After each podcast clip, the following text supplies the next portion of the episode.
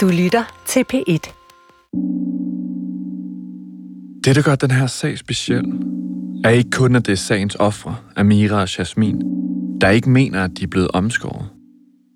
Det specielle er også, at de begge to ser sig selv som levende beviser på, at der aldrig er sket en forbrydelse. Ifølge eksperter vil det nemlig stadig være muligt at undersøge dem for, om der er tegn på omskæring eller ej. Og det beslutter familien sig for at få undersøgt igen. Noget, der vil komme til at tage Mira og hendes søster til både Frankfurt i Tyskland og Uppsala i Sverige. I min research har jeg indtil videre fokuseret på de tre hovedhændelser, der ligger til grund for, at forældrene bliver dømt. Klasselærerens underretning, turen til Afrika, hvor forældrene fortæller, at de er sammen med børnene hele tiden, og så den retsmedicinske undersøgelse. Men når man læser dommen for byretten igennem, så er der faktisk en fjerde grund til, at forældrene bliver dømt.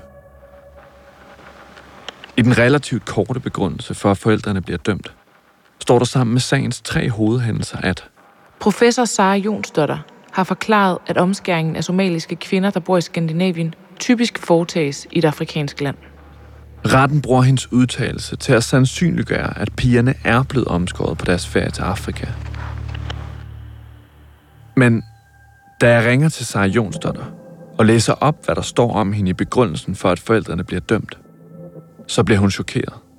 To tell you the truth, I'm a bit shocked. If they used my statement as support for a conviction, because nothing I said supported a conviction.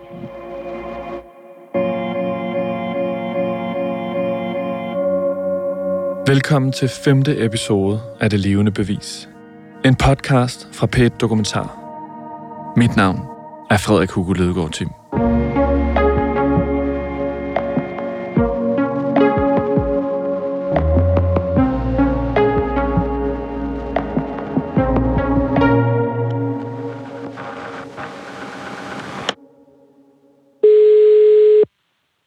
Jeg ringer til den svenske antropolog og ekspert i omskæring, Sara Jonsdotter,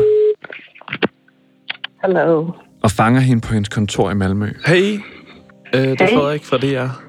Sara Jonsdotter har forsket i omskæring siden 90'erne, og har flere gange været i Somalia, hvor hun har forsket i udviklingen af omskæringsritualer og de kulturelle grunde bag. Synes du spørgsmålet gav nogenlunde mening? Um, can you please say it in English? Ja, yeah, of course. Inden vi taler sammen, har hun på mail pointeret over for mig, at hun er kategorisk modstander af pigeomskæring. Og det kan jeg også se i flere artikler. Jeg starter med at spørge hende, hvordan hun blev involveret i omskæringssagen fra Fredericia.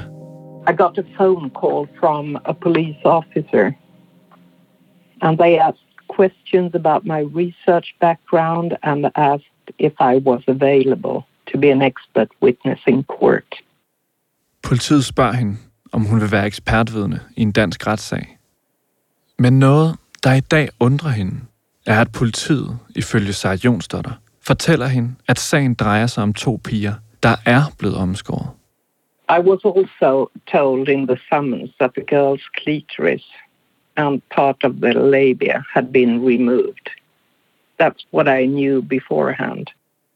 I thought they know it as a fact, and this is a case about whether it happened prior to or after migration. That is to say, whether it was illegal or not. Hun fortæller mig altså, at hun får den opfattelse, at sagen, hun er indkaldt til at vidne i, handler om, hvorvidt pigerne er blevet omskåret før eller efter, at familien er migreret til Danmark. Ikke om, hvorvidt pigerne faktisk er omskåret eller ej. Og da jeg læser den indkaldelse, hun får fra anklagemyndigheden, kan jeg se, at de skriver, de skal i retten afgive forklaring som vidne i en sag vedrørende omskæring af piger, hvor klitoris samt dele af skamlæber er fjernet. Anklagemyndigheden skriver her intet om, at der på daværende tidspunkt er tvivl om, hvorvidt der overhovedet skete en forbrydelse. Selvom de godt kender til Per Lundorfs undersøgelse.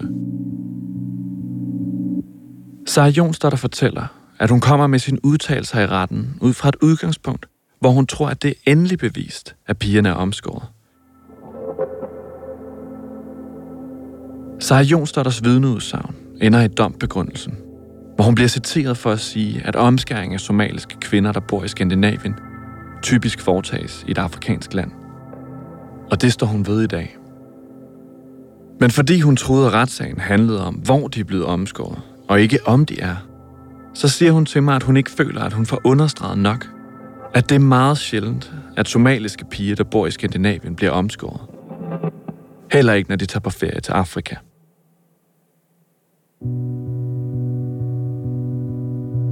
Da Sarah Jonsdotter er færdig med sin afhøring, sætter hun sig i toget tilbage mod Sverige.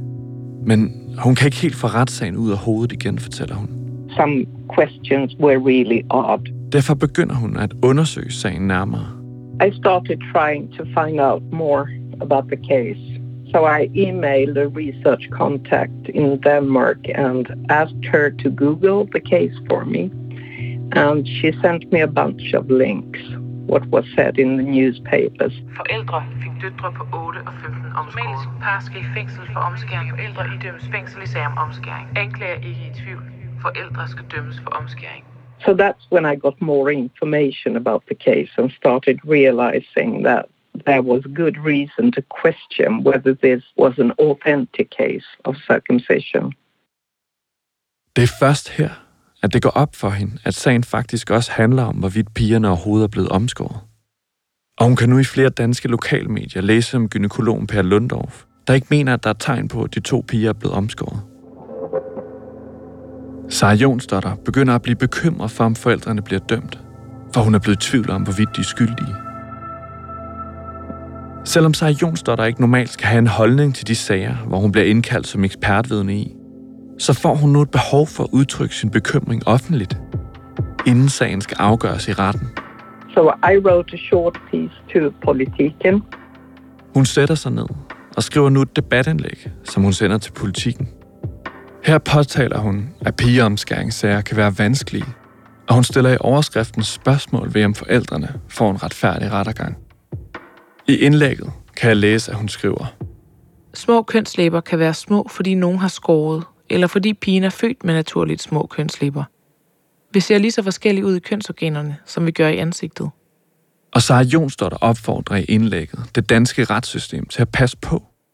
For som hun skriver, Fordi systemet, der skal beskytte pigerne, reagerer så stærkt med anholdelser, anbringelser af børn og tvangsundersøgelse af underlivet, skal systemet også sikre, at dette bliver udført så rigtigt og professionelt som muligt. hun har siden skrevet til mig, at hun håbede, at hendes indlæg ville bidrage til, at pigerne måske blev undersøgt igen, inden der skulle falde dom. but they never published it and I let it go. Politikken bringer ikke hendes debatindlæg, og Sarah Jonsdotter lægger derfor sagen fra sig. Hun er derfor ikke klar over, at hendes vidneudsagn er en del af grunden til, at forældrene ender med at blive dømt for at have omskåret Amira og Jasmin. Så da jeg fortæller hende det i dag, siger hun sådan her. I feel a bit shocked about how they interpreted my explaining that if it happens, it would happen in Africa. But it's not to say that it happens in Africa all the time. That's not the case. We have hundreds of Norwegian, Swedish, Danish girls visiting their relatives in Somalia without being cut. If they use my statements about what we know as as support for a conviction, because nothing I said supported a conviction. If I say that we cannot exclude the possibility, it's not to say that it's reasonable to believe it happened. Jeg har forelagt Sarah Jonsdotters kritik af, at hun ikke blev ordentligt informeret om, hvad sagen handlede om, for anklagemyndigheden ved Sydøstjyllands politi. Men de har ikke kommenteret på hendes kritik.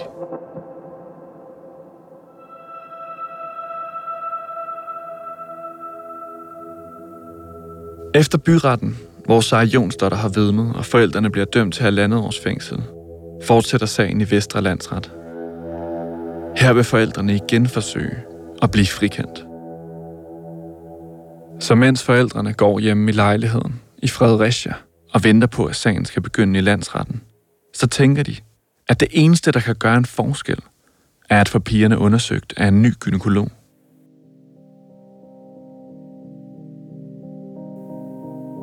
Forældrene søger den her gang mod udlandet. De finder en tysk gynekolog i Frankfurt. Han hedder Carsten Müller, og de får på nettet indtryk af, at han er meget erfaren, fortæller de mig.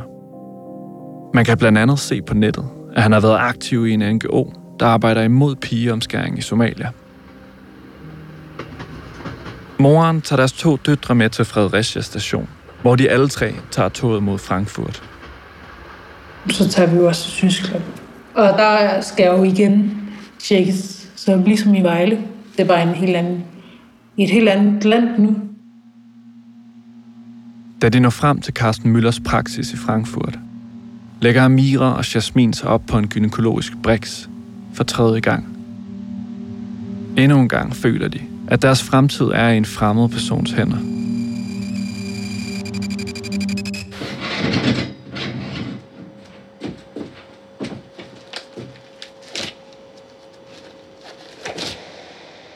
Da Carsten Møller er færdig, skriver han, Ingen tegn på omskæring.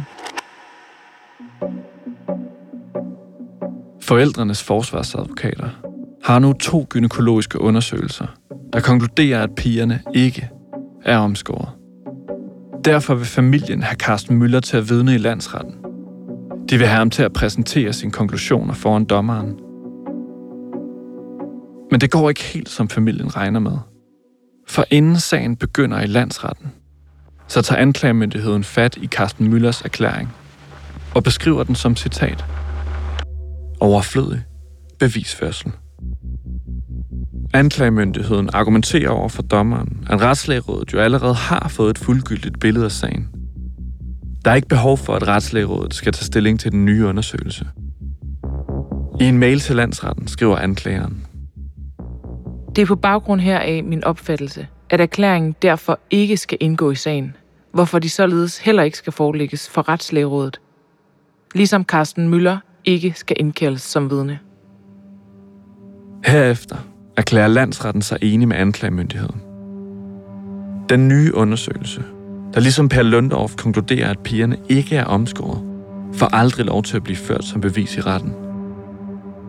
Så da sagen begynder i landsretten, må dommerne og domsmændene ikke tage Carsten Møllers undersøgelse med i deres overvejelser, når de skal afgøre, om forældrene er skyldige eller ej.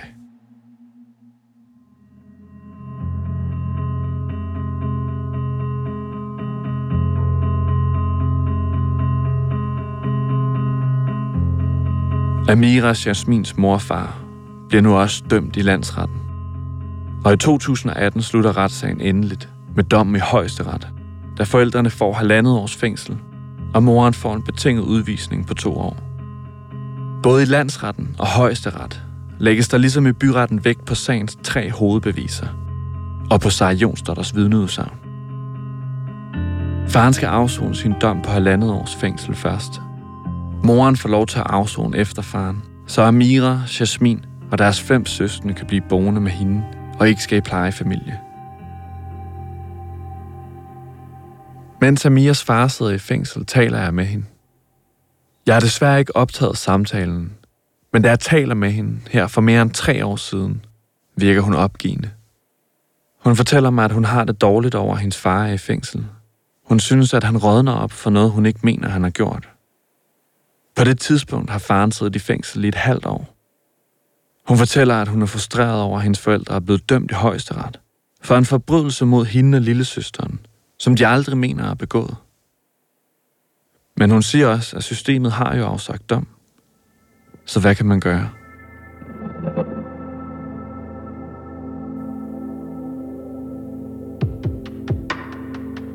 Men selvom højesteret har afsagt den endelige dom, og har kendt de to forældre skyldige, så er der faktisk en sidste mulighed for familien i forhold til at få sagen vurderet igen.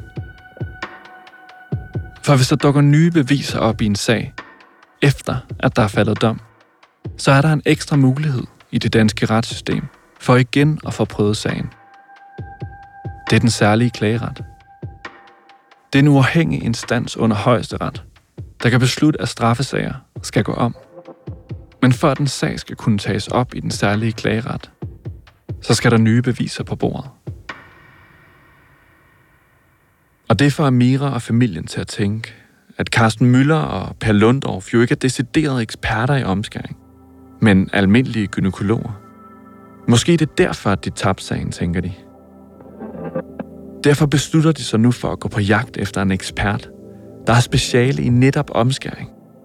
De vil prøve at finde den mest kompetente i verden, og de håber, at personen vil undersøge Amira og Jasmin. De har fat i deres forsvarsadvokater, som hjælper dem med at lede. Og her finder advokaterne nu frem til en førende international ekspert i omskæring, lige over sundet, i Sverige. Hun hedder Birgitta Hissén. Hun har forsket i omskæring i 30 år og set flere tusind omskårende piger og kvinder. Hun er ifølge flere eksperter den mest erfarne i Skandinavien. Og når man på sundhed.dk slår pigeomskæring op, så bliver der henvist til Birgitta Hissens forskning i fodnoterne. Og så kan jeg læse, at hun er stor modstander af pigeomskæring. Samtidig har hun vidnet i flere retssager i både Sverige og USA, hvor det skulle afgøres, om pigerne var omskåret eller ej. I flere af sagerne har Birgitta Hessin undersøgt piger og konkluderet, at pigerne var omskåret, og det har senere ført til domfældelser. Så i 2018, mens faren sidder fængslet, tager resten af familien nu mod Sverige. Her mødes moren, Amira og Jasmin med Birgitta i seng. Vi kommer derhen, og vi bliver så mødt af Birgitta. Øhm, hun tager sig imod os, og så siger hun så, hej, hun er, meget, hun er sådan imødekommende. Hun fortæller os også, hvad hun arbejder med, og at hun har set rigtig mange som mig, og hun kender til omskæringen og så videre. Og så snakker jeg også, altså jeg, jeg kan snakke sådan lidt dansk, ikke? Mm-hmm. Sådan. jeg synes, at, at de godt kunne forstå mig, ikke? Og, og jeg, jeg, jeg, jeg, jeg er god på at få kontakt med mennesker. Jeg føler mig faktisk tryg ved at være ved Birgitta. På skift lægger Amira og Jasmin sig endnu en gang op på en gynækologisk briks. Den her gang sørger de for, at Birgitta sent tager billeder af dem, hvor de holder deres pas oppe, så der ikke er tvivl om, at det faktisk er dem, der er blevet undersøgt. Da Birgitta Sen er færdig med at undersøge de to piger, skriver hun i sin rapport. På baggrund af at være en anerkendt ekspert i omskæring af piger, og med høj gynækologisk kompetence, og med meget lang erfaring med undersøgelse og behandling af omskårende personer, finder jeg det hævet over enhver rimelig tvivl, at Amira og Jasmin ikke er omskåret. Er du på nogen måde i tvivl? Nej. Du er 100% sikker på, at de ikke er omskåret? Ja, dels för att jag har sett och palperat, du vet med mina fingrar har jag palperat. Jag, som doktor så bedömer man inte bara vad man ser utan du får en förnimmelse när, du, eh, när man jobbar med händerna. Eh? Mm-hmm. Och då är det mycket viktigt att man har, jag har, det låter lite, it's very special to say, men jag har palperat klitoris Mm-hmm. så många gånger. Så, so I have a sense, I can see it and if I also kan føle den, så bliver det dobbelt op, ikke? Birgitta Sen fortæller, at hun både kan se og mærke klitoris og de små kønslæber, der alt efter hendes vurdering er helt normale. Bliver det sværere at se, om nogen er omskåret med, med tiden? Om du har blivit könslemlästad så är det den enda situationen att det blir bättre att bestämma om det är könslemlästad ju längre tiden går. Och varför? Jo, Ja, hvorfor? jo för visst du fjärnar något så kan det inte växa ut. Hvis du har en skada, en trauma, så blir det blåmärke, man får, det blöder, men det läker. Du, du förstår vad jag menar? It's healing. Mhm. Men if you're cut, if you cut the clitoris, it's cut. It's not going to grow out. If you cut the, the labia minora, it's not going to cut up. It's cut. It's cut. Hmm. So, so it's even cut when you are 20. Imens er så hun tjekker mig, og så siger hun, hun kan se det her, hun kan se det her, hun kan se det her. Og hun siger så til mig, at jeg kan ikke se en eneste tegn på, at du er omskåret. Det samme med min lillesøster. Der er slet ikke en eneste tegn på, at der overhovedet nogensinde skulle have fundet sted, at de skulle ligesom have været omskåret.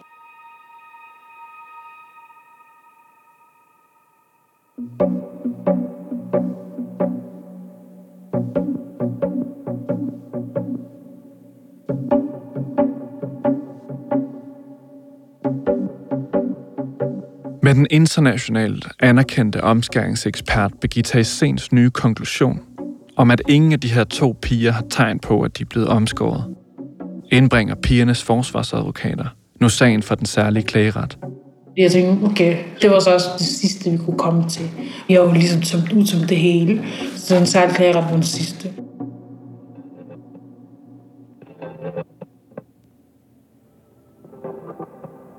Da familien har ventet et par måneder, kommer der et svar fra den særlige klageret. De beslutter i første omgang, at morens afsoning skal udskydes, imens sagen bliver behandlet. For forældrene er det her et rigtig godt tegn, fortæller familiens forsvarsadvokat dengang til mig. Det betyder, at den særlige klageret som udgangspunkt tager deres ansøgning alvorligt. Det, som den særlige klageret nu venter på, er retslægerådet. Det er retslægerådets job at vurdere lægelige spørgsmål i retssager, specielt når der er tvivl. Og de får nu tilsendt Birgitta Essens undersøgelse og hendes konklusioner. Retslægerådet skal nu tage stilling til, om Birgitta Essens undersøgelse ændrer den oprindelige konklusion, at pigerne er omskåret. Efter mere end et halvt år, i sommeren 2019, tjekker der en mail ind til forældrenes forsvarsadvokater. Retslægerådet har behandlet sagen. Deres udtalelse er vedhæftet, og dens ord kommer til at afgøre, om forældrene kan få genoptaget sagen og få mulighed for at få sagen prøvet ved domstolene igen. Deres forsvarsadvokat åbner retslægerådets udtalelse. Og i den står der halvanden linje om Birgitta Essens erklæring. Den fremsendte erklæring giver ikke anledning til at ændre retslægerådets oprindelige vurdering af sagen.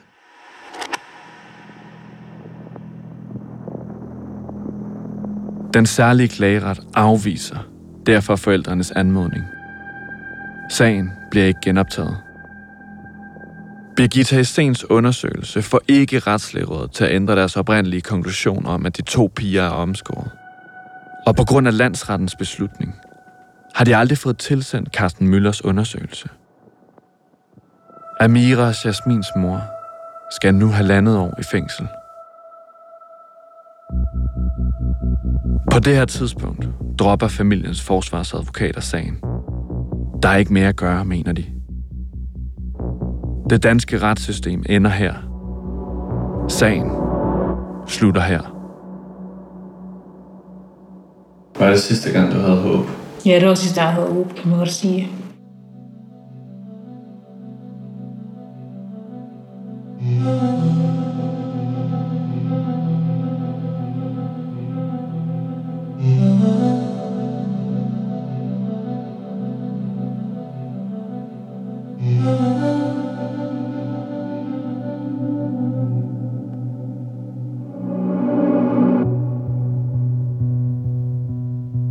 Retslægerådet vurderer altså, at det, de kan se på videoen af den oprindelige fotokolposkopiske undersøgelse, vægter højere end den undersøgelse, som den førende internationale ekspert i omskæring, Birgitta Isen, laver af pigerne.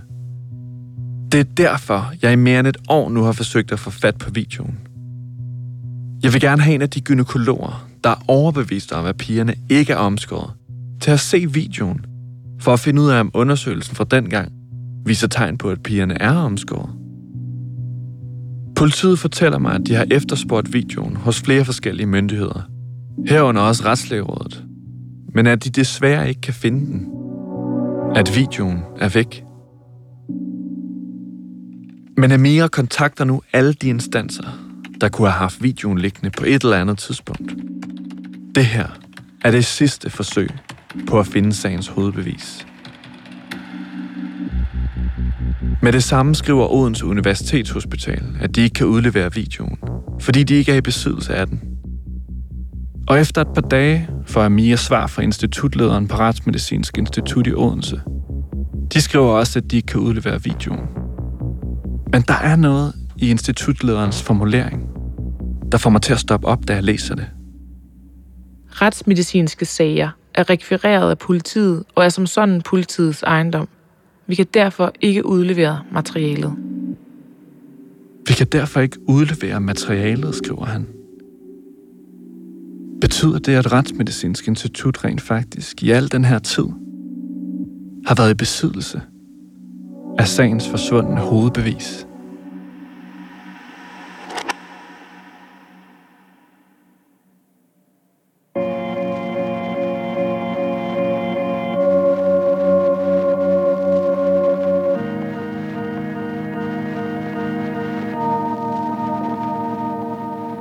Har forelagt Amiras kritik for en række myndigheder.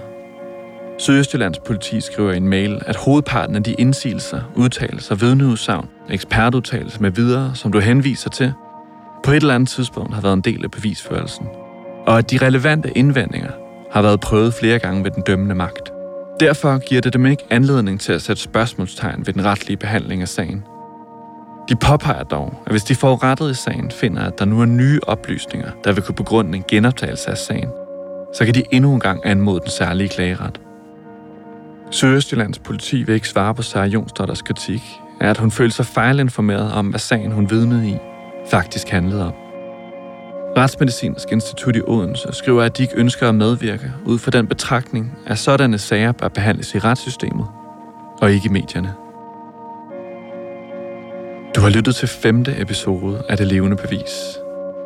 Mit navn er Frederik Hugo Ledegaard Tim.